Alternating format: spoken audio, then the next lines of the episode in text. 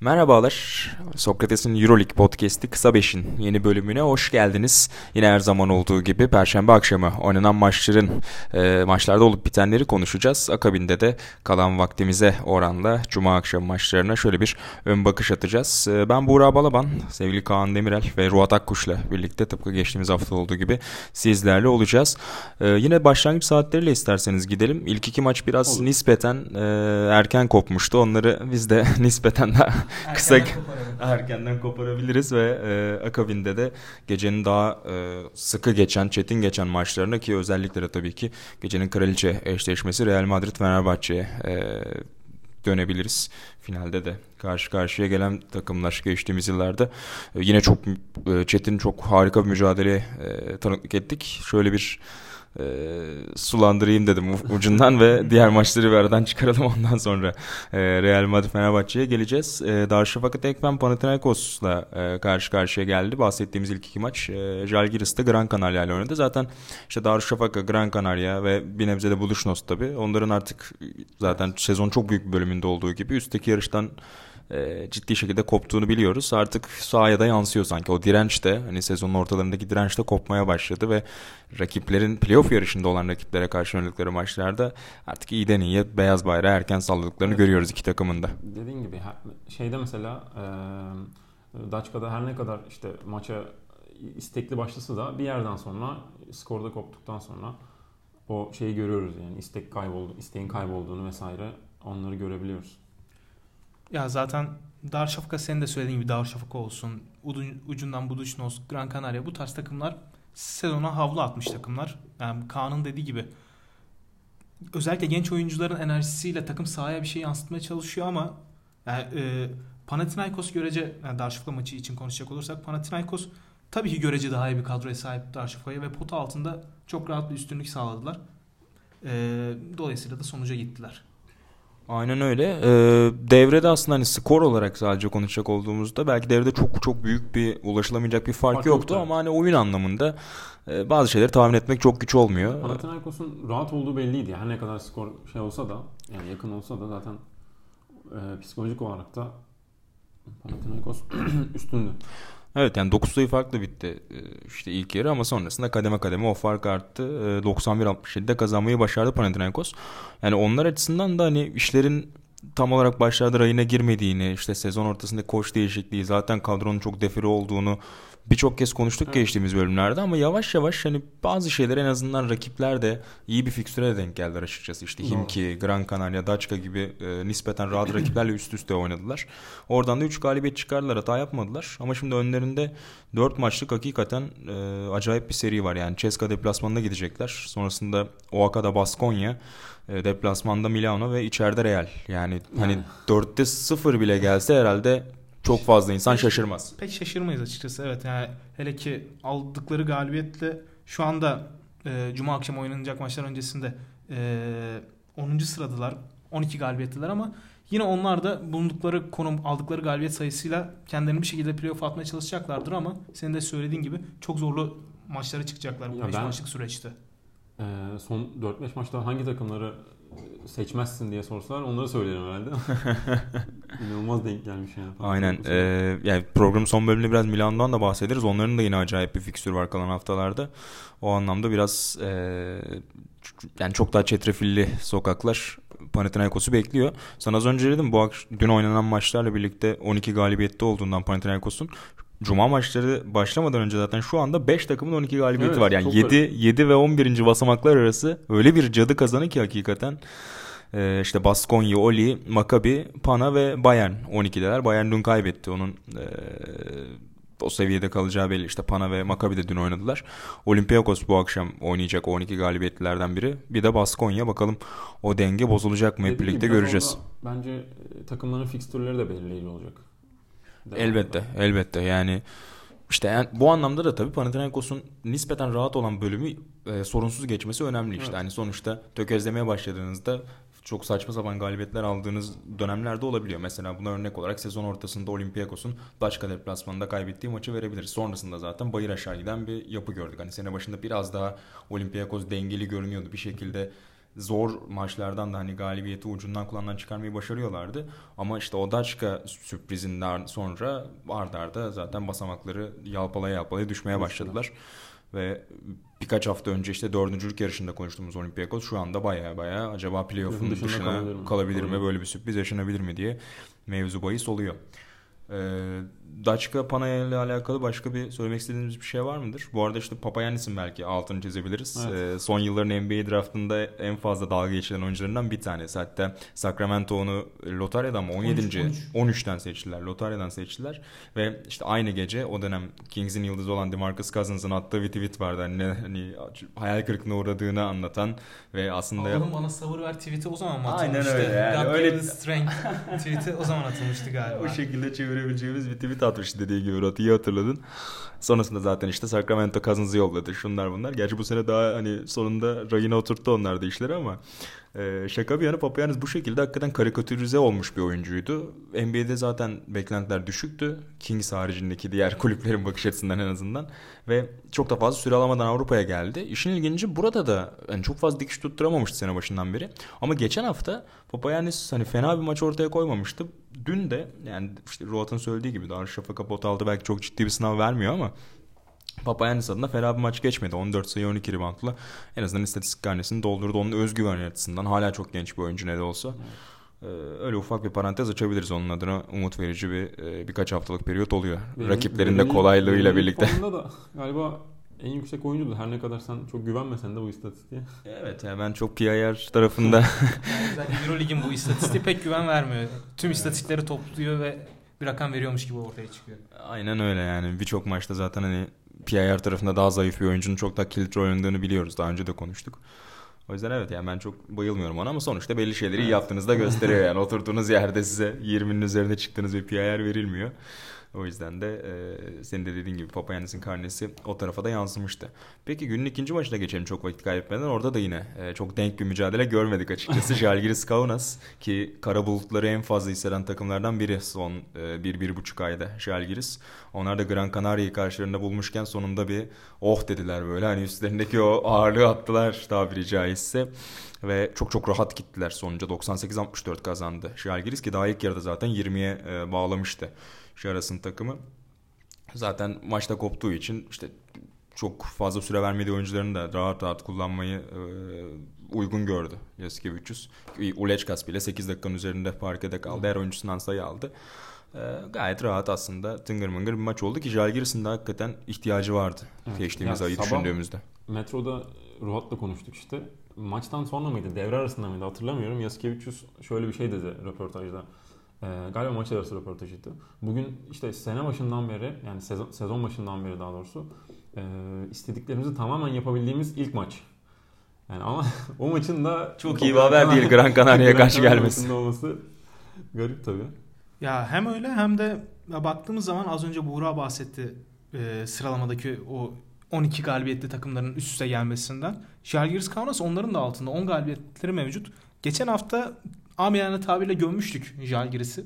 Bu hafta fena bir performans göstermediler ki her ne Daha kadar ne fena bir performans bu adam da yani. her, her ne kadar rakip e, Gran Canaria olsa da en azından şu son birkaç haftalık dönemde özellikle formundan uzak görünen Ulanovas'ın geri dönmesi en azından onlar için bayağı hayat verdi. Grigonis bence oldukça iyi bir performans gösterdi. Özellikle evet. maçın ilk yarısında. Yani maçın kopmasını sağlayan bir bölümde. Yani iyi bir galibiyet oldu Žalgiris Kaunas için ama sezonun geri kalanında onlar için nasıl sonuçlanacağı Euroleague'de 3 aşağı 5 yukarı belli. Bir de e, eğlenceli bilgi paylaşalım. Gran Canaria'nın son galibiyeti de Žalgiris'e karşı geldi Euroleague'de. Yani o kadar uzun zamandır kazanmıyorlar ki e, 10 maç oldu yanılmıyorsam üst üste. Hatta e, 11 mi şöyle bir sayayım 10 maç oldu üst üste mağlubiyet serisi Gran Canaria'nın. Sene başında biraz o kaygan zeminin de etkisiyle galibiyetler gelmişti biraz ama e, sonrasında işler terse döndü. Yani o kadro farkı zaten açıktı sene başında. E, gidişat da onu doğruluyor. Gran Canaria tamamen artık e, lige çevirdi gibi evet. vizyonunu. E, burada zaten çok fazla bir playoff beklentileri de yoktu. Žalgiris de son 5 maçında tek galibiyet çıkarabilmişti. O da Budućnos'ta karşı içerideydi. Şimdi Gran Canaria'yı da yine içeride yendiler ama az önce işte birkaç kez altını çizdiğimiz o 12 galibiyetli e, takımlar kulübüne ve hatta var çok zor görünüyor ama 7. 8. lig için herhangi bir sözleri olacaksa artık biraz üsttekileri de yenmeleri gerekiyor ve e, çok rahat bir yol yok önlerinde açıkçası. İşte Bayern Münih ve Maccabi var üst üste. Bayern biraz hani sezonun ilk yarısına göre bir nebze formu düşmeye başladı sanki. Ama hala hakikaten çok sıkı bir takım. Birazdan konuşacağız. Maccabi'ye de çok ciddi bir sınav sundular dün. Ee, kolay geçilmediler e, kendi evinde Jalgiris Arena'da oynayacak olması Kaunas'ın önemli tabii ki. Ama e, yani o maçı herhalde kaybeden takımın artık playoff yarışından e, biraz kopacağını söyleyebiliriz. Belki Bayern'in galibiyet olarak iki galibiyet şu an avantajı var Jalgiris'e oranla ama onların da form durumu olarak çok iyi bir gidişatları yok. O yüzden Jalgiris'e de kaybederlerse muhtemelen onların da biraz e, çaptan düşeceğini söyleyebiliriz. Sonrasında Maccabi deplasmanı var. İçeride Daçkası var Jalgiris'in ve son iki hafta da hem Olympiakos'u hem de Real Madrid'e konuk olacaklar ki e, yani en zorlu deplasmanlar arasında sayabiliriz. Tamam Olympiakos çok iyi durumda değil ama onlar da playoff yarışı içinde zor durumda kalabilirler şu anki görünüşe göre son haftalarda. O yüzden de kendi evlerinde hata yapmak istemeyeceklerdir. Nasıl görüyorsunuz Jalgiris'in peki playoff şansını şu an baktığınızda onu da sorayım. Ya ben açıkçası galiba geçen hafta e, da söylemiştim. Ya havlu attıklarını düşünüyorum playoff'lar için ama e, ya tabii bunda hem işte fixture'un da etkisi var ama e, ya performansların da e, dünkü maçın yanıltıcı olduğunu düşünüyorum ya. Yani, yani ya, maçlarının ya, olduğu gibi. Playoff şansı açısından bakacak olursak yani iki galibiyetlik fark hele ki bitme 5 maç kala normal sezonun yani bence oldukça büyük bir fark. Hele ki ya, dün akşam gördük Makabi'nin nasıl bir savunma yaptığını onu da ilerleyen bölümlerde konuşuruz. Makabi önemli bir aday. Panathinaikos'tan bahsettik. Olympiakos kendini dışarıda bırakmamaya çalışacak. Jalgiris mevcut durumdayken 8. sıradan biraz uzakta. İlk 8'den biraz uzakta bence. Evet yani hani 12 ve 10 galibiyet 2 galibiyetlik fark olarak hani ulan bu niye bu kadar büyük bir e, şey olarak görülüyor diye düşünebilirler. Ama o kadar fazla takım var ki arada. Evet. Yani hepsinin birden kaybedip Jalgiris'in kazanacak bir 5 maçlık yani seri çok, yakalaması. Çok, çok fazla ihtimalin bir araya gelmesiyle ancak oluşabilecek bir sonuç ki o da çok zor yani. Jalgiris'in mevcut oyunu tamam yani Gran Canaria karşısında çok iyi bir oyun sergilediler ama sezonun geri kalanına baktığımız zaman özellikle kritik maçlardaki performanslarına baktığımız zaman pek de bir playoff ümidi vermiyorlar bana açıkçası. Bana da. Ya ben de çok farklı düşünmüyorum sizlerden. Ee, işler çok kolay olmayacak Litvanyalılar adına. Peki günün biraz daha keyifli, biraz daha eğlenceli iki maçına daha fazla vakit ayırabiliriz o zaman. Ee, Bayern Münih Maccabi e, sıradaki maçtı. Kapanışı da Real e, Efes e, Real Fenerbahçe Beko ile yapacağız. Neden Efes dediysem. Ee, Bayern Münih Maccabi 77-70 bitti. Maccabi Fox çok değerli bir galibiyet aldı. Zaten işte son dönemde formunu kaybeden Olympiakos gibi, Jalgiris gibi takımlardan bahsettik ama bunun yanında herhalde son 1-1,5 ayı en iyi geçenlerden biri de Maccabi'ydi. Evet. Ve Bayern deplasmanında da direkt playoff rakibi olan Bayern'e karşı da çok zor bir maç oynadılar. Hiç kolay olmadı. Bayern son çeyrekte dahi bir kez daha geri gelmeyi başardı. Bir yumruk daha çıkarmayı başardılar. Ama Maccabi Fox ayakta kaldı ve Sferipoulos'un takımı o 7 ve 8. sıra koltukları için ciddi aday olduklarını gösteriyorlar. Ee, şuradan söze başlayayım. Biz podcast yapmaya başladığımızda da konuşmuştuk. Bayern Münih'in e, fikstürü çok zorlu bir fikstürü ve fazla deplasman maçı vardı. Hı hı. Ya, emin olmak için yine tekrardan baktım. Sezonun ikinci yarısı için. Evet sezonun ikinci yarısı için. Bayern Münih yedinciydi. Yedinciymiş o e, bizim podcast haftasında. Maccabi 11. Ve e, yani evlerinde oynadıkları son 5 maçın 4'ünü kazandı ama deplasmanda sanırım uzun süredir kazanamıyor. Yani 8-9 maç olabilir Bayern Münih. O yüzden direkt rakibinin yani Maccabi karşısında kendi evinde bu maçı kazanması çok önemliydi. Ama tam tersinden düşünecek olursak Maccabi'nin de deplasmanında bu maçı kazanması çok önemliydi. Çünkü onlar da deplasmanda uzun süredir kazanamıyorlar. O açıdan Maccabi'nin kazanması e, çok şey oldu yani playoff'a kendileri bir şekilde ki bence atabilecekler. Onların kazanması önemli oldu kendi açılarından. Ya Maccabi için de şunu söyleyebiliriz bence. Maç kesinlikle onlara 3. çeyrekteki özellikle gösterdikleri savunma performansı getirdi. Burada geçen hafta da konuştuk Scottie Wilbeck'in liderlik özelliklerinin zaman zaman sekteye uğrayabildiğini ki dün 11'de 3 üçlük atmış. Böyle kritik bir maçta aslında Yani pek de başvurmayacağınız bir yöntem. Scottie Wilbeck'in 11 üçlük denemesi. Seni çok fazla gördük ya bu tür Evet. yüzdesiz çift taneli deneme ve 3-4'te kalan isabet oranı. Hem öyle hem de şey yani bunlar e, sizin nispeten kolay şut diyebileceğiniz atışlar da değil. Çok fazla birebir oyunu topu elinde tutuyor ve Hmm. bu haliyle takımın temposunu da düşürüyor ki Maccabi yüksek tempoyla yaşayan bir takım. Senelerdir Hı. kimliği böyle oyuncuları değişmesine rağmen. Ama aldıkları galibiyet onları belki de e, playoff hattında tutacak. 5 maç sonrasında playoff'ta tutacak ki kendilerini 9. sıraya attılar şu anda. Olympiakos belki Budućnos'la oynuyor olmaları lazım bu akşam. Budućnos karşısında bir sürpriz yaşamaz muhtemelen ama ilerleyen haftalarda o 8. sıra koltuğunu çalabilir gibi du- duruyorlar. Çünkü özellikle böyle kritik dönemlerde savunma her zaman hücumun üstüne çıkıyor. Maccabi de dün ne kadar iyi savunma yapabildiğini, tavanını bence herkese gösterdi. Yani Makabi güzel özetledin. Özellikle 3. çeyrekten biraz bahsettim. Ben de oradan e, sözü alayım. Ya 3. çeyrekte zaten hani skor olarak da e, en verimli olduğu farkı açtığı bölüme tekabül ediyor ama aynı zamanda dediğin gibi sadece attıklarından ziyade biraz savunma tarafı da ve orada da ben iki ismini ön plana çıkaracağım. Biri zaten daha önce de çok fazla övdüğümüz Tariq Black ki sadece savunmada değil hücumda da çok çok iyi iş yaptı dün. Hem 3. çeyreğin sonunda hem de 4. çeyreğin başında biraz dinlendi. Son bölümü yine Black'le bitirdi Sferopoulos ve girdiği andan itibaren de hakikaten domine etti pota altını.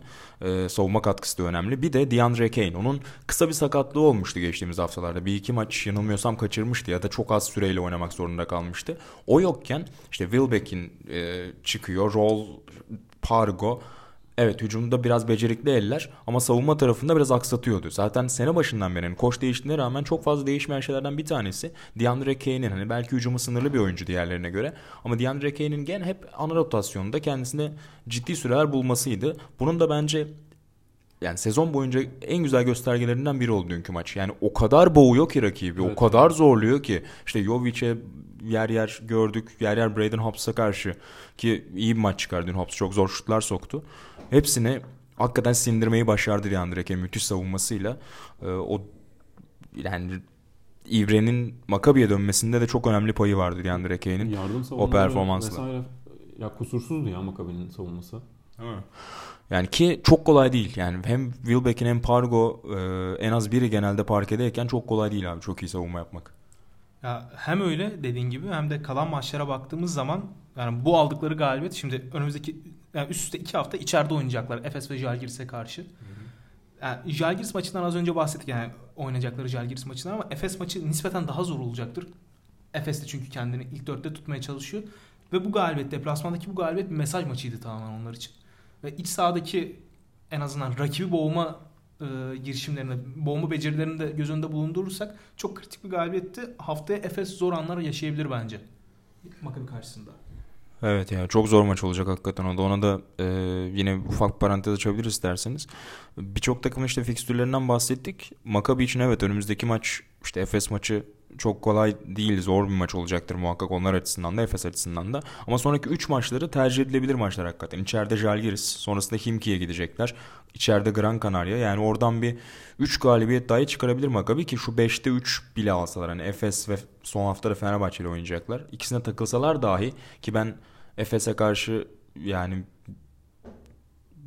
şu an bir düşüneyim. Minik bir farkla favori diyecektim ama çok da emin olamadım bir anda düşününce. Yani çok dengeli bir maç yani. Hani şaşırmam Maccabi kazanırsa o maç yani. O havayı aldıklarında çünkü Efes'in biraz atmosferden etkilenebilen bir yapısı var yani. İşte Oaxaca'da bunu gördük. İlk yarıda Oli deplasmanında gördük. Bazen kopabiliyorlar e, maçtan o tür atmosferlerde ki Maccabi'nin de hakikaten müthiş bir atmosfere bezediğini son bir, bir buçuk ayda iç, iç saha maçlarını gördük. Ya Maccabi Ee, iç saha, dış sahaya da çok taraftarı gidiyor. Evet evet o da var doğru söylüyorsun. Yani. E, Jalgiris ve Maccabi herhalde en fazla e, yani yurt dışı taraftar anlamında ciddi göster. Aynen. Fenerbahçe ve Beko taraftarlarını da birçok deplasmanda görüyoruz ama e, hakikaten Jalgiris ve Maccabi'nin o anlamda farklı bir yeri var belki de. E, hal böyleyken Maccabi ben, benim yani 7-8 adayları arasında en ciddi gördüğüm takımlardan biri şu Benim an. de öyle ya. Ya hele ki az önce sen de bahsettin ilerleyen bölümde konuşuruz diye. Milano'nun zor fikstürünü göz önünde bulundurursak Maccabi'nin o 5 maçlık süreçten çıkaracağı 3 galibiyet bile onları 8. sıraya taşıyabilir rahatlıkla bence. Bana da öyle geliyor hakikaten. Ve yani her ne kadar Fenerbahçe'nin birinci sırada kaldığını varsayarak konuşuyorum bu senaryoda. Ee, her ne kadar Fenerbahçe tabii ki de favori gözükse de domine edeceği düşünülse de en azından deplasman kendi iç sahalarında oynayacakları maçta Fenerbahçe'nin başını ağrıtabilirler diye düşünüyorum. Ee, bana da öyle geliyor. Biraz daha saha içine dönelim. Parkeden aldığınız notları soracağım. Ee, ben birkaç e, şey paylaşmak istiyorum. Mesela 3. çeyreğin sonunda işte Tarık Blake'in hakikaten çok çok etkili olduğu bölüm olduğundan bahsetmiştik. Bir de son çeyrekte ilginç bir şey denedi Sferopoulos. Genelde işte Wilbeck'in ve Pargo'dan çoğunlukla birini oynatıyordu. Çok sınırlı sürelerde ikisini birlikte kullanıyordu. Dün hem ikisini birden son dakikalara girerken Parker'i tuttu. Yanına bir de Michael Roll'u ekledi. Yani 3 kısayla oynadı. Ee, yani savunmada bir defekt yaratabilirdi açıkçası. Yani en azından ben bundan tereddüt duydum ama hem Wilbeck'in hem Pargo'ya savunma odaklanmışken Michael Roll üzerinden işte ikili oyunlarla birlikte Blake'in üzerinden hatta bir aliyupları da var Blake'le Roll'un. O şekilde üst üste birkaç hücumda attığı sayılarla çok rahatladı son evet. çeyrekte. O Bayern'in geri dönüşünü de savuşturdu ki 4 sayıya kadar inmişti son bölümler yaklaşırken Aynen, fark. Yani e, rol üzerinden ki birkaç maçtır çok sorumluluk alıyordu zaten Michael Roll. Dün de yine e, o, o şekilde üzerine düşeni yaptı. E, akabinde de e, Maccabi maçı koparmayı başardı. Bence maç içerisinde de Bayern Münih'in ufak ufak böyle kopmaya başladığı anlar vardı. Mesela benim not aldıklarım arasında e, ikinci çeyreğin ilk iki buçuk dakikasında falan Bayern Münih sayı atamadı. Sonra başladı sayı atmaya. Birazcık orada fark açıldı. Sonra 3. çeyreğin ilk 4 dakikasında sadece boyalı alandan 2 sayı atabildiler. Onun dışında yine sayı atamadılar. Yani oralarda zaten birazcık fark açıldıktan sonra hani özgüven olarak da hani sonra tamam fark e, tekrardan 4 sayı indi ama Maccabi'nin hep böyle bir kontrolünde gibiydi yani. Hem savunma savunmada zaten çok iyi oldukları için maç içerisinde e, bir şekilde kontrolünde gibi gitti maç onların. O yüzden yani son en son, son topta da işte şeyde konuştuk seninle e, podcast'e başlamadan önce. önce. Ya zaten box score'a da baktığımız zaman Bayern Münih oyuncuların attığı sayılara baktığımız zaman sadece Danilo Bartel ve Derek Williams iki uzunu çift tanelere çıkmış. Geri kalan herkes yani çoğunlukla da kısalar. Tek hanelerde kalmış. Bu zaten e, Makabi savunmasının Bayern Münih kısaların ne kadar sindirdiğini göz önüne seriyor bence. Güzel bir örnek. Bir de ee, şeyi de söyleyebiliriz orada mesela Efes için genelde konuşuyoruz. 4 numara savunmasında bir zaafı olabildiğinden işte Moerman'ın özellikle dinlendiği dakikalarda. Yine 4 numara savunmasında problem yaşayan bir diğer takım da Maccabi aslında. Yani Kolayro Evet hücumda o geometriyi açma konusunda e, hücumda verdiği hem rebound katkısı hem de o üçlük katkısıyla önemli bir parça, önemli bir oyuncu. Dün de hani artı eksi istatistiği bazen yanıltıcı olabiliyor ama o anlamda takımın en iyilerinden bir tanesiydi. Parkede kaldığı sürede hep Maccabi artı yazmıştı. Ama işte Bayern'in mesela senin Ruat az önce söylediğin gibi 2-4 numarası işte Bartel ve e, Williams toplam 33 sayı attı ki zaten 70'lerde biten bir maçtan bahsediyoruz. Çok ciddi bir hakikaten tek pozisyon üzerine üretilen sayılardan bahsederken sek çok ciddi bir miktar bu. Maccabi orada problem yaşadı ama diğer taraflarda onu telafi etmeyi başardığı için e, çok fazla sorun olmadı. Senin e, az önce bir satır arasında söylediğin son dakikada yaşananları da biraz açıklayalım. İzlemeyenler, kaçıranlar olduysa bölüm çünkü Real Madrid Fenerbahçe Beko maçının da devam ettiği süreye denk gelmişti. Son dakika içerisinde işte Bayern farkı azalttı. Dörde kadar inmişti fark. Çok kritik bir hücum yaptı Maccabi. Top kaçtı. Tarik Black hücum rebound aldı. Dışarı çıktı ve 35-36 saniye kala oldu bunlar. Top dışarı çıktı işte Pargo Michael Roll'a verdi. Muhtemelen hani faul yapacaklarını tahmin etti Pargo ve hani zaman geçirmek için Roll'a verdi. Roll aldı sağ forvetten tak diye attı ve yanılmıyorsam da yayın böyle bir adım da gerisindeydi evet, evet. yani. Top Hiç. direkt yayın dibinde Ve hani tahminimce Sferopoulos kadrajda değildi ama delirmiştir. Yani ya bu top kaçtığı anda çünkü Bayern gelecek bir basket bulduğu anda maç ortada. Ama işte bazen onu hissediyor. Yani bu tür şütörler Roll evet. gibi işte birçok örnek verebiliriz. Carroll gibi, e, Dixon gibi Fenerbahçe'de özel şütörler bunları hissedebiliyor. Bunları kaldırıp atabiliyor. Şey de değildi. Tereddüt ettiği bir şutta değildi. Hiç. Atsam mı atmasam mı diye. Hiç Elini yani. aldı direkt hesaplamış. Aynen öyle. Yani. Hücum reboundında zaten işte 14'e tamamlanıyor süre. Hemen birkaç saniye geçmiş. Daha 9-10 saniye kala tak diye çıkardı üçlüyü soktu ve orada da zaten maç koptu. Bitti. Ya zaten bu pozisyon aslında e, Sfarapoulos'un 3 kartlı sistemin ne kadar e, en azından tehlike arz edebileceğini gösterdi. Hele ki Pargo, e, Wilbekin ve Roll gibi bir üçlüden bahsediyorsak. Yani bu 3 5 e, sağdaki 5'in 3 oyuncusu bu üçlüden oluşuyorsa bu adama bu üçlüye 3 üç tane top vermeniz lazım. Üçünü de memnun etmeniz için. Hal böyleyken evet oynanabilecek bir kumar genel itibariyle. Son toptan bahsetmiyorum. Genel itibariyle eğer belli bir şeye ulaşmak istiyorsanız hele ki bitme 5-6 maç kala oynanabilir kumar ama bir yerden sonra da yani tehlikesi size kazandırma ihtimalinden daha fazla oluyor. E, ya bir ana plan olarak değil ama e, tehlike durumunda camı evet, kırmız. yani momentum değiştirmek için belli sınırlı dakikalar için bence de yapabileceği bir cebindeki bir tuzak olduğunu gösterdi Sferopoulos. Bir de konuşmadığımız guardlar arasında da biri var. John Di Bartolomeo. O da çok az oynadı yine. İşte Fargo döndükten zaten sonra zaten çok çok azaldı süreleri. Ama o Seferopoulos'un ilk günleri, ilk maçlarındaki gibi Pargo'nun sakat olduğu o dönemdeki gibi bir performans gördük yine Di Bartolomeo'dan. Çok az oynadı belki 9 dakikaya yakın parkede kaldı ama çift taneleri çıkmayı başardı o da. İşte 10 sayı attı.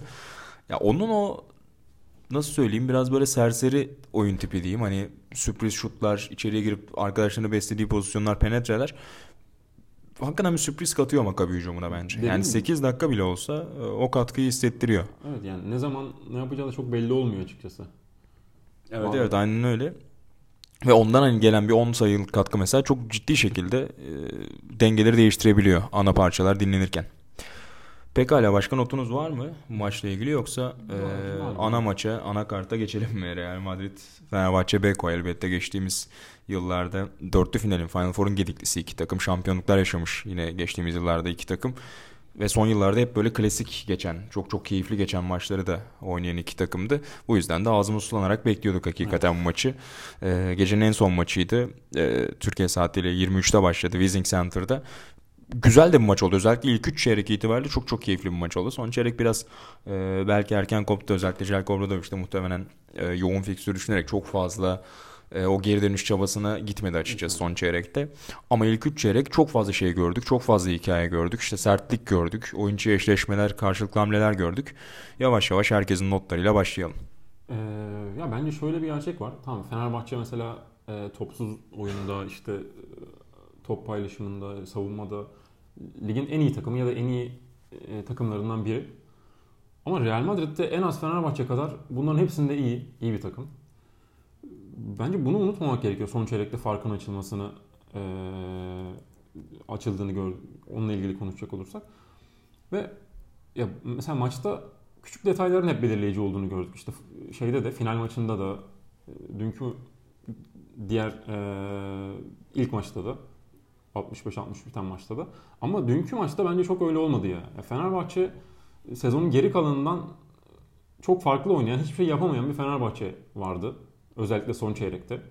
Ki mesela e, Fenerbahçe çok fazla üçlük ota- aslında isabetli üçlükler atarak başladı. Real Madrid çok öyle başlamadı. Ona rağmen e, yani sadece üçlükler üzerinden gittiğini düşün- düşünürsek Fenerbahçe'nin ona rağmen sayı e, çok az fark vardı yani. Fenerbahçe çünkü hani hiçbir şey yapamıyor olarak görünüyordu sahada da mücadele açısından. İlk yarı bittiğinde 7 sayı falan vardı. Oradan sonra da geri dönebilirdi Fenerbahçe. Ama e, pek çok, pek çok şey yapamadığını, topu paylaşamadığını vesaire gördük. Son çeyrekte de iyice Real Madrid lehine döndü her şey. Ya Kaan şeyden bahsetti. Fenerbahçe'nin kendi kimliğinde oynamadığından bahsetti. Çok doğru. Zira ya ilk yarıdaki e, e, ligin ilk yarısında oynanan maç yani 128 sayı çıkmıştı. Bu maçın ilk devresi 52-45 bitti. Fenerbahçe'nin bana kalırsa en büyük hatası her ne kadar maçın ilk 5-6 dakikalık bölümüne iyi başlasa da Real Madrid'in oyununu oynamaya çalışmasıydı. Real Madrid yüksek tempoyla yani tabiri caizse koş koş basketbolu oynayan bir takım. Siz o oyunu kendinize uyarlamaya çalışırsanız bir yerden sonra patlak veriyorsunuz. Hele ki Real Madrid'in 29 asist yaptığı bir geceden bahsediyoruz. Kendi sahasında 29 asist yaptığı bir maç varsa bu kadar e, tempolu oynanan bir maç varsa Real Madrid'e karşı koymanız pek kolay değil bu tempoda. O yüzden Fenerbahçe'nin en büyük hatası Obradoviç de zaten bunu söyledi maç sonrası. Bizim için yararlı olacağını düşündüğüm bir maç. Öyle olduğunu umuyorum dedi. Yani bu Final Four'daki olası bir eşleşme için önemli bir mesaj veriyor aslında. Yani neyi yapıp neyi yapmama, yapmaması gerektiği konusunda bir mesaj vermiştir Fenerbahçe'ye ama özellikle yani kendi oyununu dikte ettirememesi tabii bunda deplasmanda oluşun da belli bir payı var ama kendi oyununu dikte ettirememesi, karşı tarafın oyununu oynamaya çalışması onları biraz sıkıntıya taşıdı. Yani güzel bir parantez açtın. Dün biz maç esnasında Kaan'la biraz mesajlaşmıştık. Oradaki notlardan biri de oydu hakikaten. Çok erken hücum ettiğini Evet. gördük Fenerbahçe Beko'nun ki genelde hep böyle sabreden, yarı sahada hep işte şu 24 saniyeyi sonuna kadar kullanan gerektiğinde 2-3 saniye kala hep doğru şutları bulan bir e, hücum sisteminden iyi günlerinde Fenerbahçe'nin bahsetmiştik. Ama dün e, özellikle ilk 5-6 dakikada ilk televizyon molasına gidinceye dek Fenerbahçe'nin sürekli getirip attığını, bir iki pas içerisinde şutu aradığını Ve hani bu bir taktik miydi, oyunun gelişimine mi hani oyuncular kendini kaptırdı? Çok emin değilim açıkçası. Sen belki hani onların tuzağına düştü Ruat. Belki de buydu ya da belki de başta öyle bir sürprizle rakibi açmak istedi Obradovic. Ama sonrasında onun sürdürülemez olduğunu gördük uzun vadede. Ya şey de olabilir. Çok pardon lafını böldüm Kaan. Yani bu yani bana göre yanlış bir başlangıç tabii ki ama senin dediğin gibi yani bir en azından e, iyi uygulanamamış ya da istenildiği gibi uygulanamamış bir plan da olabilir. Tavares'i yani özellikle geçtiğimiz sezonun Final Four'da finalde Tavares'in ne kadar iyi performans sergilediğini hatırlıyoruz.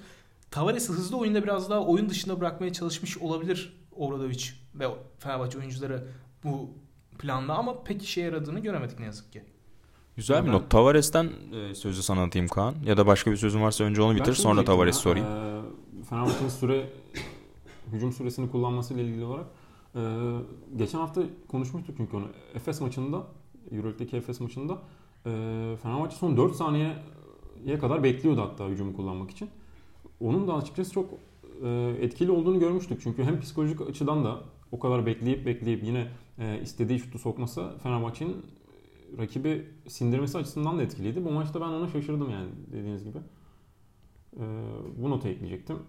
Şimdi sonrasında Tavares'e doğru e, seni yönlendireyim. Yani Roat biraz girizgah yaptı. Geçtiğimiz sene de zaten bu Tavares'in ilk defa Fenerbahçe'ye karşı iyi bir maç çıkardığı e, senaryo değildi. E, ama dün de hakikaten yani belki istatistik yadında inanılmaz e, uçuk 20-15 falan yaptığı bir maçtan bahsetmiyordu. İşte 11 sayı attı Walter Tavares. 5 rebound çekti yalnızca.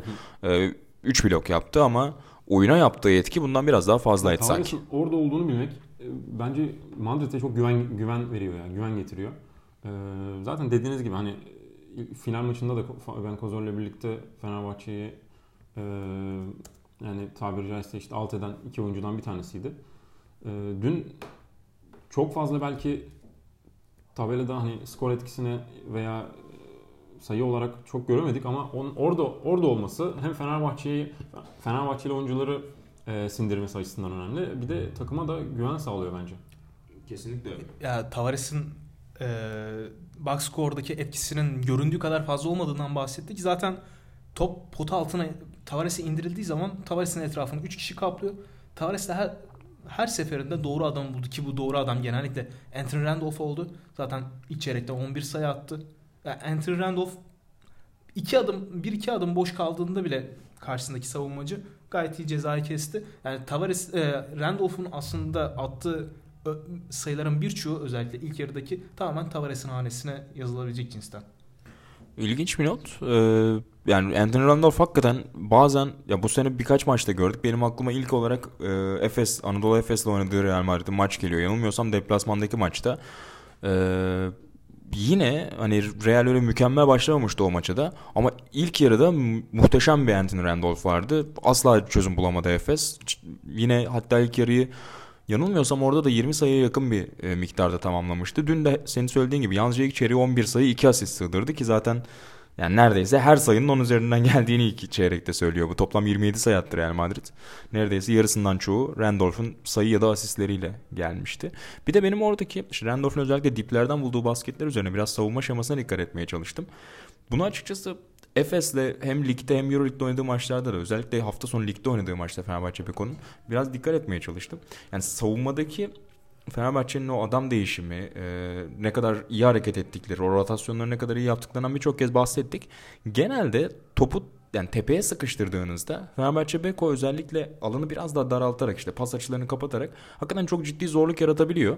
Ama sahada işte salonda izlerken şuna dikkat ettim. Yani diplerde biraz daha hani dipleri de kullanmak zorundasınız Fenerbahçe bir konu savunmasını biraz açmak için. Ben sanki yani biraz da o gözle izlemiştim. Belki benim algıda seçiciliğim olabilir. Ama dün de özellikle ilk çeyrekte işte Randolph'un sürekli sayıları oradan gelince bu acaba bir hani ufak bir yamaya, ufak bir ince ayara gerek duyan bir taraf mı acaba diye düşündüm Fenerbahçe Beko savunmasında açıkçası. Bilmiyorum sizin hiç ya e, düşündüğünüz bir nokta mıydı? Sürekli işte e, Randolph'un oralarda ben zaten hani belki de bilerek belki de değil öyle, öyledir zaten bilerek yapılmış bir e, hücum sistemi olmalı.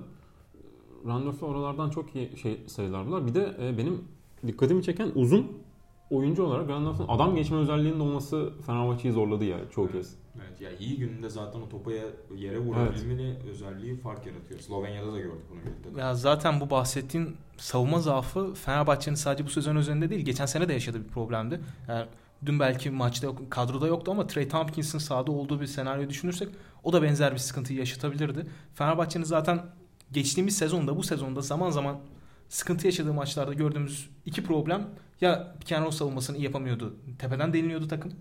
Ya da bahsettiğin gibi işte topu yere vurabilen, vurabilen uzunlar karşısında özellikle köşelerden rakiplerine geçit veriyordu ne yazık ki. Dün akşam da dün gece de benzer bir şey yaşandı ve Anthony Randolph e, Anthony Randolph'un performansıyla sonuca ulaştı diyebiliriz Real Madrid. Ee, Tavares'ten bahsettiniz. Onunla ilgili bir notum olacak benim de. Sonrasında size bir kez daha topu atacağım. Ee, Tavares'in işte özelliğini o etkinliğini azaltmak için Ruat sen belki yüksek tempoya başvurmuş olabilir demiştin. Benim de e, dikkatimi şu çekti ve Yan Veseli'nin oyununu çok daha e, parlattığı bir iki sezondur aşikar birçok farklı noktaya geliştirdi. E, bu yüzden de bu esnekliği Fenerbahçe farklı rakiplere karşı farklı stratejilerle kullanabiliyor. Mesela yanında iyi bir pasör uzun Melli ya da Lovern olduğunda alçak postta topu alıp işte uzunlar arası paslarla etkili olduğunu Veseli'nin görüyoruz ya da perdeden sonra devrildiğini görüyoruz. Dün sanki daha fazla topu tepede alan bir Veseli, elden top teslim eden kısalarına bir Veseli gördük. Bunun da hani Tavares'i biraz çemberden uzaklaştırmak için bence yapılmış bir şeydi. E, fena da bir hamle değildi. Özellikle işte ilk yarıda bence etkili de oldu. Veseli'nin işte tepede biraz daha yayın bir adım dışında ya da bir adım içinde olduğu ki oradan bir basket de buldu yanılmıyorsam sürede olmak üzereyken e, sistemden ama sonrasında e, onun üzerine o yani biraz daha Tavares e, Veseli'ye karşı biraz daha hani o nasıl söyleyeyim sağ içi ayarını yapınca maçın başındaki o şaşkınlığını atınca o avantajı da çok uzun süreler kullanamaz oldu Fenerbahçe Beko. Dediğin gibi e, ben de mesela ilk çeyrekte ona dikkat ettim. Veseli'nin özellikle e, o şekilde kullanıldığında oradan zaten e, ilk çeyrekte farkın açılmadığı kısımda bayağı sayı buldu Fenerbahçe.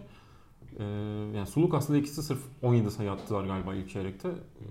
Onun dışında bir oyuncu da çıkaramayınca başka ikinci çeyrekte ve sonrasında e, işler istenildiği gibi gitmedi. Peki ben de size Campazzo'yu sorayım o zaman. Sen Campazzo'nun bir hareketine takıldın gibi görünüyor. Yani, hareketine hareketlerine genelde takılıyorum ya Campazzo'ya.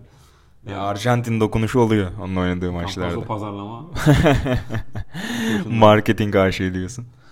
Ee, ya bu sürpriz olmadı. Hemen size söyleyeyim yani Campazzo'nun oyun tarzı bu. Yani e, işte to- Tornike Şengelye'nin sakatlandığı pozisyonun da baş aktörü oydu mesela. 3 aydır işte 3 ay boyunca oynayamıyor Şengelye. Çünkü orada işte bir sertlik topa daldı bir şey oldu. Evet bu kasıtlı yapılan bir şey değildi ama her zaman bu sertliği hatta tatlı sert diyecektim son anda vazgeçtim. Çünkü çoğu zaman acı sert oluyor yani açıkçası.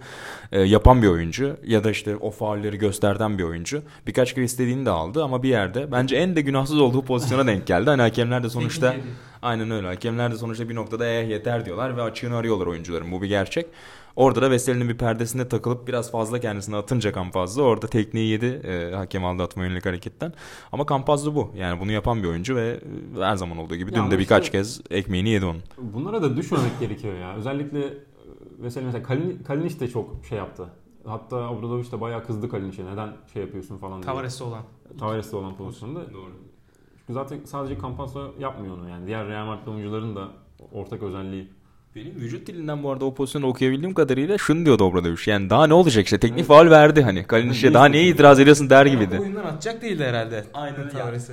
Hani onu da anlayabiliyorum. Ya, tekrarı izleyince çok sert gelmiş. Ya sanki yani şunda niyet okumak da kolay değil ama Tavares sanki isteyerek yapmıyor. Yani kollar o kadar evet. uzun ve dengeli yani robot gibi ki herif hani kontrol edemiyor bazen. Çok da çünkü kör açıda yani orayı görüp dirsek attıysa helal olsun. Yani hani onu görebildiyse o açıyı başka bir şeyden bahsederiz ama sanki istemsiz öyle bir sallarken Kalinic'i bulmuş ve çok sert, çok güçlü bir herif. Yani o yumruğu yeseniz büyük ihtimalle biz de yani bağırıp çağırırız birkaç dakika. Çok normal. Hani o yüzden Kalinic'i belki orada suçlamanın çok mantığı yok ama orada ben çok hakikaten aklı selim şekilde Kalinic'i sakinleştirip nedenini anlattı ve sonrasında da biraz daha sakin e, kaldığını gördük Kalinic. Ya ben sözü Campazzo'dan alayım tekrardan.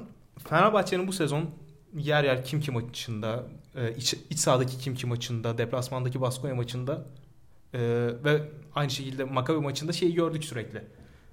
Topa baskı yapıldığı zaman kısalar pek delici olamadığı için ve kısa rotasyonu da aslında bir e, tepeye oynayan Euroleague takımına göre daha dar bir guard rotasyonu olduğu için hücumu sekteye uğrayabiliyordu. Dün de bunu gördük. Campazzo özellikle oyuna girdikten sonra yer yer Bobby Dixon'a yer yer Eric Green'e yaptığı baskıyla zaten onu sindirdi ki Eric Green'den biraz bahsedeyim oradan pası alayım. Eric Green çok sevdiğim bir oyuncu kadroda. ya şöyle ki ya iki sene öncesine göre yani Olympiakos dönemindeki Valencia'daki dönemine zaten çok uzak ne yazık ki. Geçirdiği sakatlıktan da ötürü o ara dönemde. Fenerbahçe'nin bu süreçte yani en azından playoff'ta ve hatta olası bir Final Four'da daha yukarıya hedefliyorsa ikinci beşlerinde mutlaka delici bir oyuncuyu barındırması gerekiyor ki Sulukas'a zaman zaman yapılan ikili sıkıştırmalar, yapılan baskılar, aynı şekilde Dixon'a yapılan baskılar baskıları bir şekilde absorbe edebilirsiniz. Ama Eric Green bundan ziyade daha çok savunmada aynı şekilde zaaf veriyor. Her ne e, rakip savunmayı delemediği gibi, kendi şutunu yaratamadığı gibi. Bu da Fenerbahçe'yi böyle büyük maçlarda büyük sıkıntı yaratıyor ki Final Four dediğimiz ortam playoff gibi 3 e, 5 e, maçlık serinin en iyisi ya da 7 maçlık serinin en iyisinin kazandığı bir e, sistem değil. Günlük performansa bakıyor tamamen. Dolayısıyla Eric Green'i bir şekilde o güne kadar hazır etmek lazım. En azından doğru zamanda o kartı oynayabilmek lazım. Ama şimdiki mevcut performansıyla bunun olacağını söylemek biraz zor. Mesela geçen yıl playoff'ta bunu e, Bobby Dixon üzerinden çok gördük. Yani sezonun bu sezon çok daha ana rolde mecburen. işte senin söylediğin o kısa rotasyonun darlığı sebebiyle Bobby Dixon çok daha fazla süre alıyor. Geçen yıl hatırlarsak eğer normal sezon boyunca o kadar da yüksek sürelerde geniş e, şekilde rotasyonda olan bir oyuncu değildi. Ama dediğin gibi o kart oynama bir anda bir sürpriz e, tuzak çıkarma anlamında müthiş kullanmıştı Bobby Dixon'ı geçtiğimiz Obradovic. Ve hakikaten playoff zamanı e, ve e, yanılmıyorsam Final Four'da da benzer performansları vardı çok çok iyi bir görüntü çizmişti. Şimdi beklenti Eric Green'den o olabilir ama bilmiyorum. Yani senin de dediğin gibi hiç kolay değil. Yani Dixon'ın o rekabetçi tarafı, o hani gözünden ateş çıkan yapı çok farklı. Yani bu oyuncu karakteriyle de biraz alakalı. Yani Eric Green'de ona yönelik bir sinyal çok fazla alamıyorsun açıkçası. Yani bunu birkaç yıl önce işte Bogdan Bogdanovic mesela Panathinaikos serisinde ondan görmüştük. Ki bununla yaşayan bir oyuncu. İşte Bobby Dixon kariyeri boyunca karşı yaka zamanını hatırla hep böyle bir oyuncuydu. Hep bir işte sorumluluk verildiği anda tamam deyip yüklenen sırtını alan bir oyuncuydu ama Şimdi Eric Green'e sen böyle bir hani talepte bulunursan emin değilim bunu olumlu şekilde kullanacağından. Yani Eric Green'de mesela birkaç sayı atıyor. Kendi yapabildiği şeyleri yapıyor diyorsun ki işte Eric Green'in en iyi yapabildiği şeyler bunlar. Onlara devam edecekmiş gibi zannediyorsun ama orada bitiyor Eric Green. Sonrasını getiremiyor. Önlem alınması kolay bir oyuncu bir nebze. Evet. Yani birçok oyuncuya oranla. Öyleyken de bir iki kere senin dediğin o ritmini bulmaya başladığında rakip de ona göre işte ona göre açısını kapatıyor. Ona göre belki biraz sertlik uyguluyor ve bir şekilde onu soğutmayı başarıyor. Ya zaten normal şartlarda verim alabileceğiniz bir oyuncu esasında Eric Green. Yani genel özelliklerine baktığım zaman ki şu anda onu yapamıyor olsa bile kendi şutunu yaratabilen nispeten işte izolasyon oyununu oynayabilen bir oyuncu fakat Dün mesela ilk çeyrekte televizyon molasından sonra sağdaydı yanlış hatırlamıyorsam. Hızlı bir hücumda basket soktu. Tamam. Sonraki hücumda tüm sahaya koştu ve yayın oradan e, serbest atış çizgisinin oradan dribbling üstü bir pull up attı. Yani tamamen Fenerbahçe düzenine aykırı bir olay aslında. Siz hele ki savunmada belli zaaflar yaşatıyorsanız ki Dixon'dan bahsettim. Dixon esasında fiziksel özelliklerini de getirdiği e, sonuçlar çerçevesinde savunma anlamında pek iyi değil ama hücumda gerektiği yerde o sazı eline aldığı için onu bir şekilde absorbe edebiliyor. Eric Green savunmada bir kere geri kalıyor ki zaten geçen hafta Efes maçında da benzer bir senaryo yaşandı. Ters eşleşmede Muharman'la kaldı ve adamı tamamen unuttu. 6 dakika sahada kaldı. Bir daha oyuna girmedi. Maç kopmasına rağmen. Ya, zaten dün gece de aynı şey yaşandı. Zaten ilk yarıdan 6 dakika süre aldı. İlk 3 çeyrekten ya da Tam emin değilim. Sonrasında zaten son çeyrekte maç koptuktan sonra bir daha oyuna girdi. Yani yeri geldiği zaman Eric Green'den beklediğiniz performansı almanız lazım. Size o farkı yaratacak performansı almanız lazım. Ama şu anda pek o mümkün görünmüyor. Ee, bu, buyur Mesela e, Campazzo karşısında Obradovic şey Bobby Dixon kartını oynadı aslında ve bence bu yani söz oradan geldi diye Bobby Dixon'dan bahsettim. Bence Bobby Dixon e, fena da başlamadı. Yani Campazzo'yu aslında bayağı bir baskı yapmaya çalıştı. 5 sayı attı falan. 7 sayı ya da 5 sayı. Orada e, bir oyun Fenerbahçe'ye doğru hani en azından e, eşitliğe doğru gidiyor gibi oldu. Ama Bobby Dixon da bir yerden sonra e, tıkandı. Ben yani mesela şeyi düşünüyorum.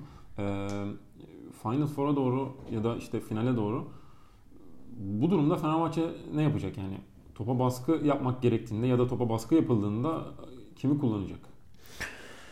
Ee, yani güzel soru. Emin değilim. Acaba benzer bir karşılık vermek adına, sertliği arttırmak adına biraz daha uzamayı mı tercih edecek? İşte iki uzun. Belki Kalinic 2 numarada. işte Datome 3 numarada.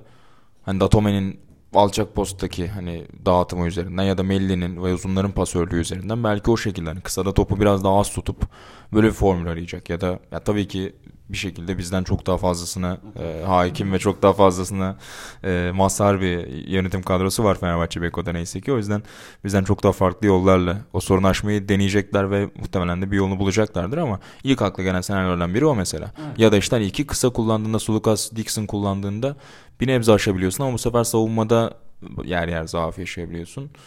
Kolay değil tabii.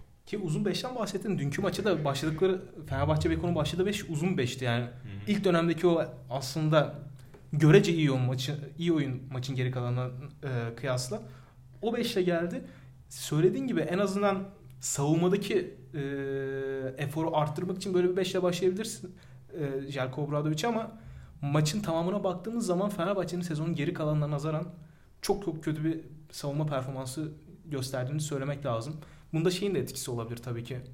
Veseli'nin Tavares üstündeki etkisinin istediği derecede olamamasını, hücumda tepeye çıkmak durumunda kalması, onu alıştığı e, düzenin dışına çık onun alıştığı düzenin dışına çıkması da bu konuda etken olmuş olabilir ama söylediğiniz gibi playoff'ta ve Final Four'da uzun beşler hakikaten topa baskı konusunda özellikle savunmada iş görebilir ama dünkü efor da dünkü Fenerbahçe'nin gösterdiği eforla hele ki şimdiye kadar pek bahsetmedik ama Datome ile e, Kalin için gösterdiği performansı göz önünde tutarsak bu tarz bir performans playoff'ta size herhangi bir savunma getirmez. Evet, daha iyisine ihtiyaç var. Real tarafında ya bahsettin hani sezon geneline göre daha kötü bir savunma gördük ama burada tabii biraz daha göreceli ve e, o relativiteyi de işin içine katmak lazım. Rakip de Real Madrid sonuçta yani yaptığınız savunmayı işte Bayern'e karşı, Gran Canaria'ya karşı ya da Panathinaikos'a karşı biraz daha iyi yapabiliyorsunuz bu savunmayı ama karşınızda Sergio Yui varken evet. işte o üçüncü içeriği hatırlayalım. Sağ forvetten çıkarıp tak diye attığı iki tane üstü üçlük varken o kadar kolay olmuyor. Yani hani bazı şeyleri biraz daha zorlaştırabiliyorlar. Ya da Anthony Randolph topu yere vurabilen bir dört numara varken karşınızda yap, yani en iyi savunma şemanıza dahi iyi günlerinde sorun yaratabilen oyuncular bunlar. O yüzden onu da düşünmek lazım. Ee, bir 5 tercihleriyle ilgili bir şey soracağım. Şöyle bir aldıkları dakikalara bakıyordum parkede kalan 5'lere. Fenerbahçe Beko'nun çok daha arayan deneyen tarafı olduğunu gördük dün. Ama Pablo Lasso bir 5'e çok fazla güvendi. Çok fazla e, o 5'i parkede tuttu ve o bölümde de hakikaten ciddi avantaj sağladı. Fabian Kozo, Gabriel Dek, Sergio Yuyk, Randolph ve Tavares. Bu yaklaşık 17 dakika parkede kalmış ki yani 5 oyuncunun 17 dakika birlikte oynaması bir maç için zaten 40 dakikalık maçtan bahsediyorken hakikaten ciddi bir miktar. Yani karşılaştırmak açısından işte Fenerbahçe'nin en uzun süre parkede kalan 5'i yaklaşık 8 dakika kalmış. Datome, Guduric, Melli, Sulukas, Veseli 5'i. Ve diğer 5'ten hepsinin çok daha az sürelerde işte e, değiştiğini görüyoruz. Ama Pablo Lasso bu 5'e çok güvendi ki ben de ona da bir parantez açacaktım Gabriel Dek'e. Hem bu 5 üzerinden hem de Dek üzerinden bir şeyler soracağım. Yani sene başında belki ana rollerde değildi Dek ama her geçen hafta çok daha farklı bir noktaya kendisini taşıdı.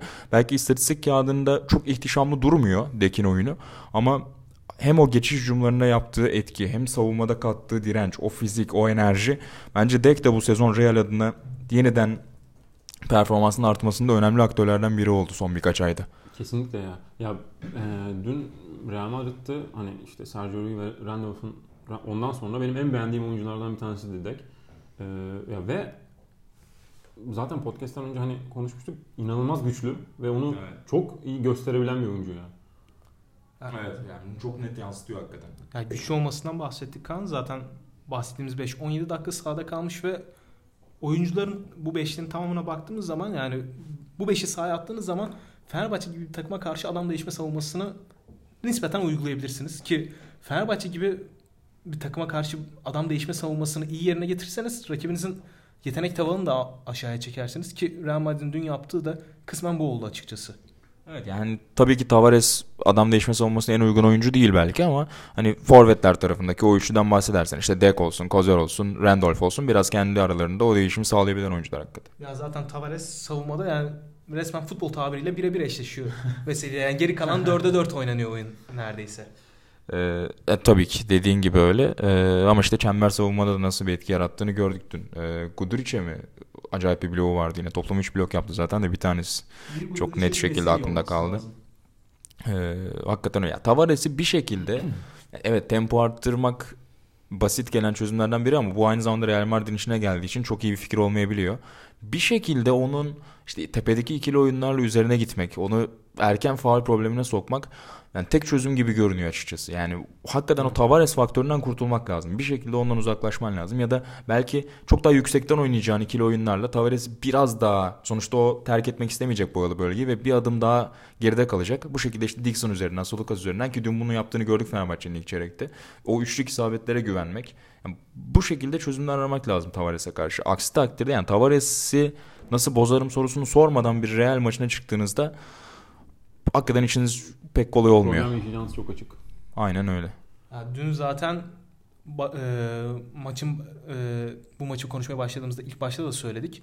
Veseli top, e, topu üç çizgisinin tepesinde aldığını söylemiştim. Orada bir pas istasyonu görevi gördüğünü söylemiştim. Bu Tavares'i dışarı çekmek amacıyla. Bu bir yere kadar işe yarayabilir ama Veseli'nin şimdiye kadarki gösterdiği performansın en önemli sebebi de pota altında bir dominasyon yaratmasıydı. Yani pota altındaki yani kendi alıştığı düzenin dışına çıkınca kendi istediklerini yapamayınca diyeyim hatta. Yani Tavares'i durdurmanız ki Tavares yani onun üzerinden ikili oyun da oynadı Fenerbahçe Beko. Onun etkisini biraz daha azaltmak için dışarı top çıkarmaya çalıştı ama Tavares yani benim beklediğimin aksine ayakları çok daha çabuk biçimde oynadı. İkili oyunları çok iyi savundu. Yani dediğim gibi Tavares'i yani Tavares'i bir şekilde tutmak lazım abi yani tabirle. Yani ona da nasıl bir plan uygulayacak Fenerbahçe ve Jelko Obradovic bilmiyorum ama Final Four'daki muhtemelen rakiplerinden birisi finale çıkması durumunda söylemesi yapmasından daha kolay olan sayısız şeyden bir tanesi hakikaten. Dün tabii Fenerbahçe'nin ya bir yerde bahsettik yanılmıyorsun ama yineden e, söylemek gerekirse en büyük aslında sorun yaşadığı noktadan biri de kanatlardı. Yani hem Datomen hem Kalin için bu kadar etkisiz, bu kadar zayıf göründüğü bir maçta zaten Fenerbahçe'nin skor tavanı da ciddi şekilde düşüyor. İşte Datomen 5 sayıda kaldı. Kalin için yalnızca bir sayı e, çizgiden bulabildi. Ki sadece hani sayı katkısıyla ölçmemek lazım. Kalin için mesela rebound almadığı bir maçtan bahsediyoruz. Evet, Tek bir asist yaptığı maçtan bahsediyoruz. Top çalma gibi bir hani bir savunma artısı yine katmadığı bir maçtan bahsediyoruz. Yani hepsini bir arada düşününce tabii ki mesela geçtiğimiz birkaç hafta hatırlayalım. Fenerbahçe'nin Beko'nun iyi maçlar ortaya koyduğu e, zamanlarda genelde işte ya Kalinic ya da Tome'yi birinden birinin adını genelde anıyoruz. İşte kupa finalinde mesela geçen, Datome geçen bambaşkaydı. Hafta, geçen haftaki e, Efes Euroleague'deki Efes maçı da buna çok büyük bir Orada da dediğin gibi Kalinic çok çok iyiydi. Yani oradan katkı almak zorunda Fenerbahçe yani. Bunu yapmak yapmaya muhtaç, yapmaya mecbur. E, dün ikisi birden hani Guduric belki skor katkısı verdi ama diğer ikili kanatta kullandığı e, o desteği veremeyince ki hani hem savunmadan beslenip hem hücumda katkı alabildiğiniz iki oyuncu olduğu için onlar çok daha değerli Guduric'e göre bence. E, Fenerbahçe adına işler iyiden iyiye zorlaştı tabii. Bu arada e, konunun bir şekilde Sergio Uyar'ın yeniden gelmesi gerekiyor. Evet evet yani ben de oradan atacaktım pası. İşte Randolph çok iyi başladı dedik. Sonrasında o televizyon modusundan sonra ipleri biraz Yuy aldı eline. Ve sonra da belli noktalarda bunu yani ben buranın kralı benim. Yani Wizing Center'daysanız mekanıma hoş geldinizi çok açık şekilde dedi yani Sergio Yuy. Ya deplasmanda ee, Real Madrid'de oynuyorsunuz ve işte Sergio Yuy rakibinizse 2 üçlük attıktan sonraki Sergio Yuy gerçekten zulüm gibi ya. Başka bir deneyim ya. Yani, yani Yuy deneyimine hoş geldiniz. Yani ilk üçlüğünü bulduktan sonra Hadi bakalım yani. Bunu arıyor çünkü. Ona vuruyor. İlk isabeti bulduğu anda el üstü, perde çıkması, dengesiz, tek ayak hiçbir önemli değil. Faul yapılmış ki dün 3. elekte ikinci üçlüğünde buydu mesela. Eline vuruldu. Hiç önemli değil abi. Yui başladıysa atıyor. Ve yani öyle bir atış stili var ki aslında yani İspanyol spikerler de ona mandalina atma diyorlarmış ilginç yani haklı bir biçimde. Yani o şutları sokmak zaten geçen hafta Fenerbahçe Efes maçında konuştuğumuz noktaya geliyor esasında. Efes'in yaşadığı konuya denk geliyor öyle bir savunma yapar yani tamam Fenerbahçe genel itibariyle iyi savunma yapmadı ama Hüyün attığı 2 üçlük de yani saçma sapan özellikle senin e, söylediğin gibi 3 artı 1 basket foul aldığı kısmı konuşacak olursak saçma sapan bir üçlük ve öncesinde fark 6'ya kadar inmiş şey yapmışsınız yani boş bir üçlük kaçırmışsınız farkı 3'e indirecek düzeyde. Sonrasında peş peşe 2 üçlük gelince zaten maç koptu yani. Sadece 2 3'te bakıyor. Sadece 2 3'te atmosfere ve anonsörün yuy diye bağırmasına bakıyor.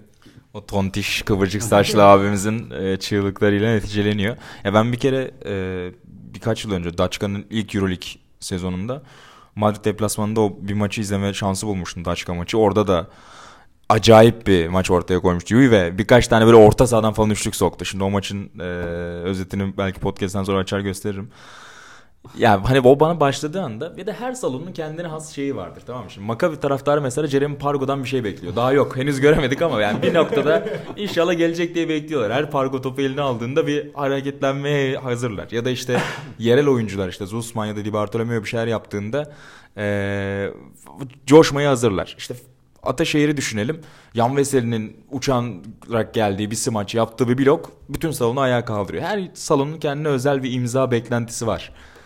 Ve Wizing Center'da Sergio Llull yani tabii ki sürpriz değil bu ve Sergio Llull yani.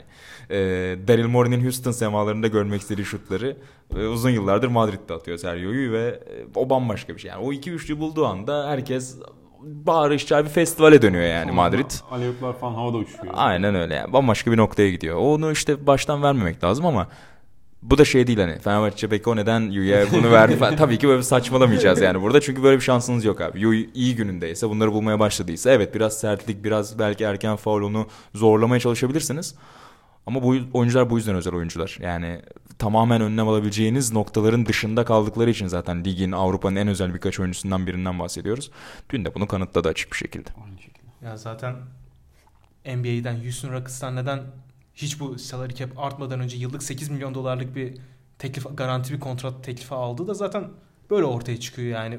Bunu gayet iyi yapabildiği için o teklifi aldı. Dün de zaten bunu yani o, o yeteneğini gayet iyi gösterdi bence.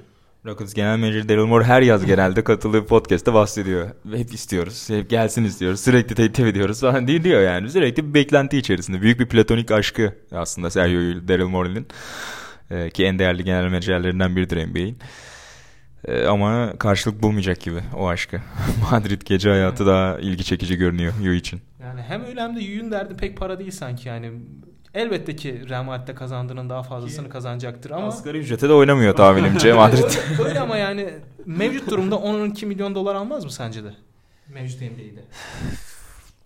Ee, bilmiyorum. Yani bakmam lazım şu an. Kafamda şey yapamadım. Yani gibi oyuncu getirmek istiyorsanız diye. Ya tabii ki 26 yaşına getirseydin 24 yaşında artık 30 oldu mu Yuy? Ben de e, bir an tersim döndü ama bir bakayım yaşına. Ya bu noktadan sonra belki 3 yıllık, 5 yıllık, 31 yaşındaki bir oyuncuya vermezler ama dediğim gibi tek yıllık bir sözleşmeyle Caldwell Pop bile 10 milyonların üzerinde alabiliyor. O yüzden öyle bir sürpriz yapabilir. tamam şu anki Rockets yapamaz elbette.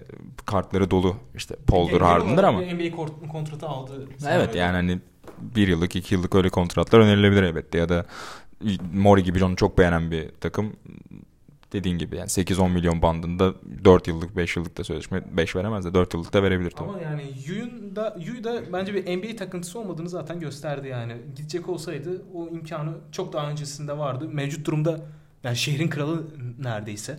En azından basketbol takımı adına. Ki futbol takımında pek iyi gitmediğini düşünürsek Yu'nun e, o ünvanı biraz daha üst seviye çıkıyor. Hiyerarşik seviyede biraz daha yukarıya çıkıyor. Yani gidecek olsaydı çok da çoktan gitmiş olurdu zaten.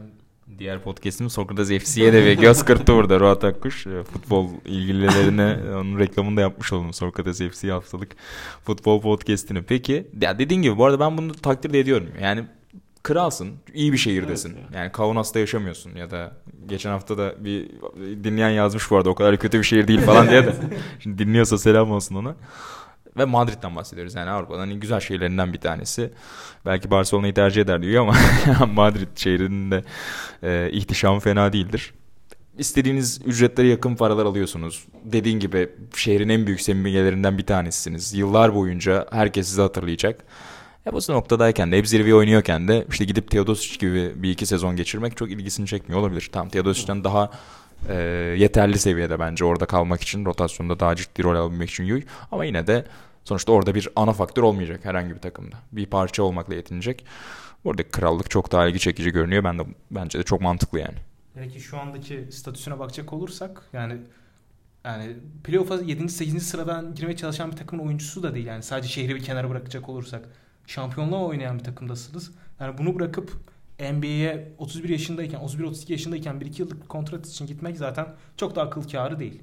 Evet yani genç Avrupalılar için veya Amerika'dan gelip burada oynayan oyuncular için Yudoh gibi mesela bu ya da evet bu ilgi çekici bir senaryo olabiliyor ama bence de yani Yuyun şu anki e, denkleminde çok da cazip gelmemesi normal. E, pekala var mıdır çok e, atladığımız bir nokta? Uzun uzun da konuşmuş olduk. Herhalde e, bir saate de yaklaştık. Yavaş yavaş kapatırız. Bu maçla ilgili notunuz varsa alayım yoksa akşamki maçları çok kısaca sayacağım. Akşam bakabiliriz.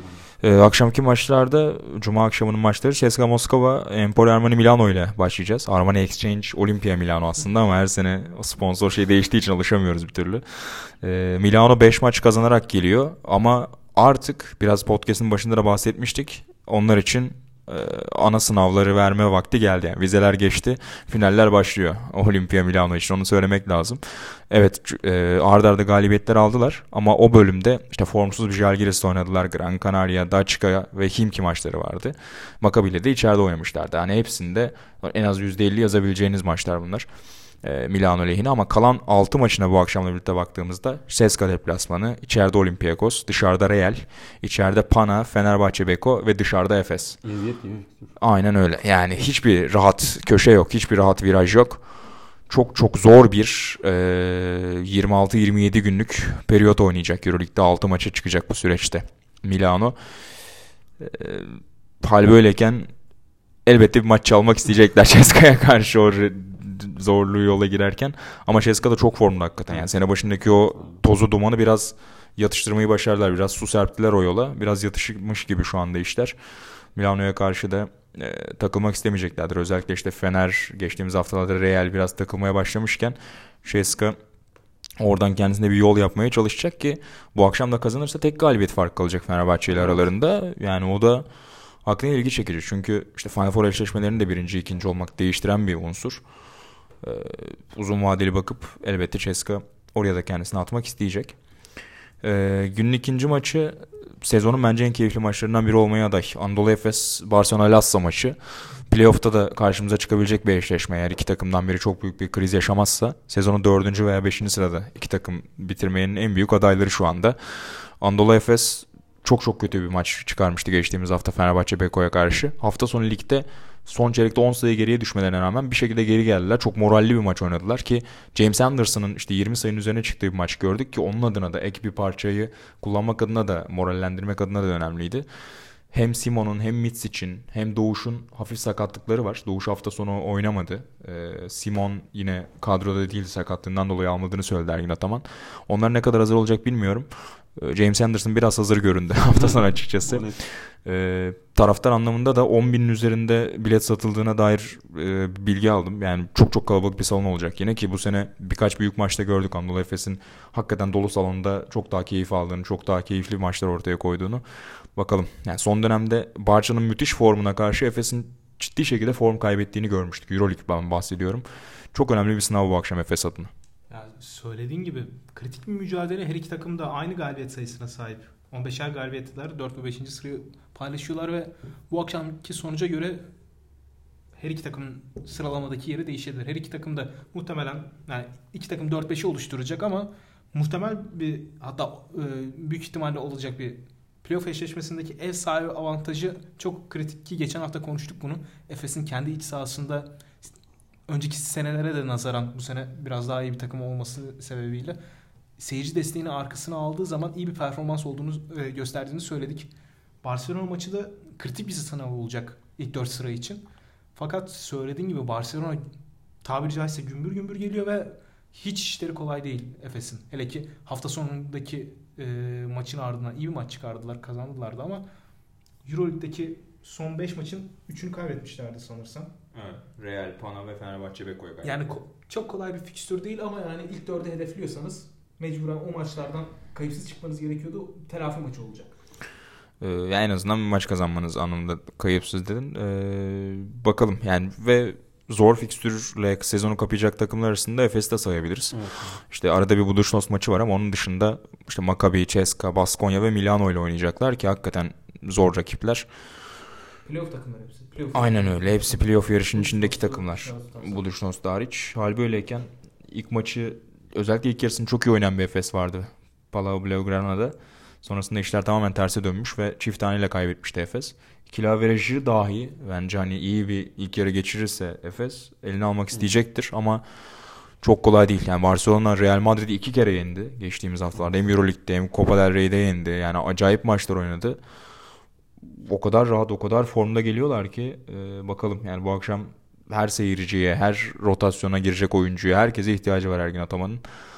Bakalım kadar, nasıl bir maç olacak. Her ne kadar hani e, uzun sezonlara iki takım da birbirlerine özel olarak hazırlanamasalar da playoff'ta olacağı gibi ya da işte olası bir Final Four vesaire eşleşmesinde olabileceği gibi e, bir deneme maçı yani.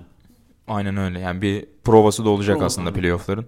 Hal böyleyken eşsiz maç. Ee, hala yetişebilecek durumdaysanız maça bence e, kalan birkaç sınırı biletten birini de alıp gidebilirsiniz. Çok keyifli. Aynen ben de orada olacağım. Herkesi bekliyoruz diyelim. Kalan iki maç Buduşnos Olympiakos ve Baskonya Himki maçları. Himki'de şivet döndü dedik. Ayrı bir heyecan var tabii orada. Ee, Baskonya'da tempoyu seven bir takım, hücumu seven bir takım. Orada yüksek skorlu, keyifli bir maçı izleyebiliriz. Olympiakos tarafında da işte tepe taklak her şey giderken bir de Buduşnos deplasmanında takılmak herhalde bilet adına ve beyaz bayrak sallama anlamına gelebilir. Ee, yani çok garip bir noktaya gidebilir e, Olympiakos adına öyle bir mağlubiyet. Tabii ki onlar da orada takılmak istemeyecekler artık yani Ama bir net şekilde de silkelenmek. e, diyemeyiz bence. Ya son bir aydaki Olympiakos'un ardından ben hiçbir şey diyemiyorum şu an Olympiakos'a. Yani hal böyleyken yani güzel dedin yani emin değilim açıkçası. Yani ama bir yandan Buduşnos da çok kötü abi. Yani Evet. bir ara bir o, hani sezon ortasında bir kıvılcım yakalamışlardı. İşte iç sahada hakikaten zorluk yaratıyorlardı rakiplere ama onu biraz kaybettiler. Hem koç değişikliği hem işte yeni eklemelerin gelmesiyle. Doğru. Hal böyleyken yani çok da tökezlenebilecek Sadece bir deplasman gibi gelmiyor. Podgorica'da oynamak e, inanılmaz kolay bir şey değil. O yüzden. Ya hem öyle hem de e, bir yandan da şeyi düşünüyorum. Geçtiğimiz haftaki CSK Olympiakos maçını düşünüyorum. Olympiakos 16 sayı farklı kaybetti belki ama özellikle ilk yarı itibariyle iyi bir performans sergilemişti. Yani zaten bu maçın ciddiyetini yani e, Buduşnos tabii ki de görece çok daha zayıf bir takım Olympiakos'a göre ama bu oyuncular zaten bu maçın ciddiyetini, bu maçın önemini zaten kavrayamamışsa yani o yetenek farkını ortaya koyamazsa zaten sezonun geri kalanında muhtemelen çöpe gider. Playoff'a da kalamazlar gibi duruyor.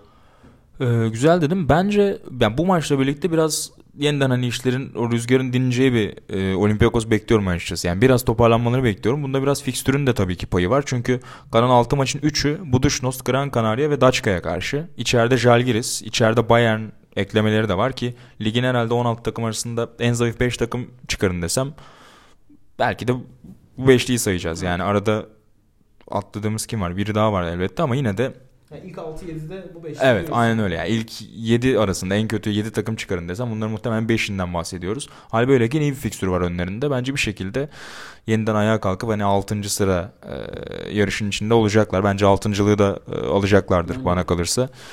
Ama bunun için tabii bugün en ufak bir tökezlemeye dahi e, şeyleri yok. Payları kalmadı artık. Bu akşam kazanıp önlerine bakmak zorundalar. Pekala yavaş yavaş kapatalım o zaman bir saati açtık çünkü. Ee, bizi dinlediğiniz için teşekkür ederiz. Keyifli bir Euroleague akşamı dileyelim sizlere. Önümüzdeki hafta yeniden buluşmak üzere. Hoşçakalın. Hoşça Hoşçakalın.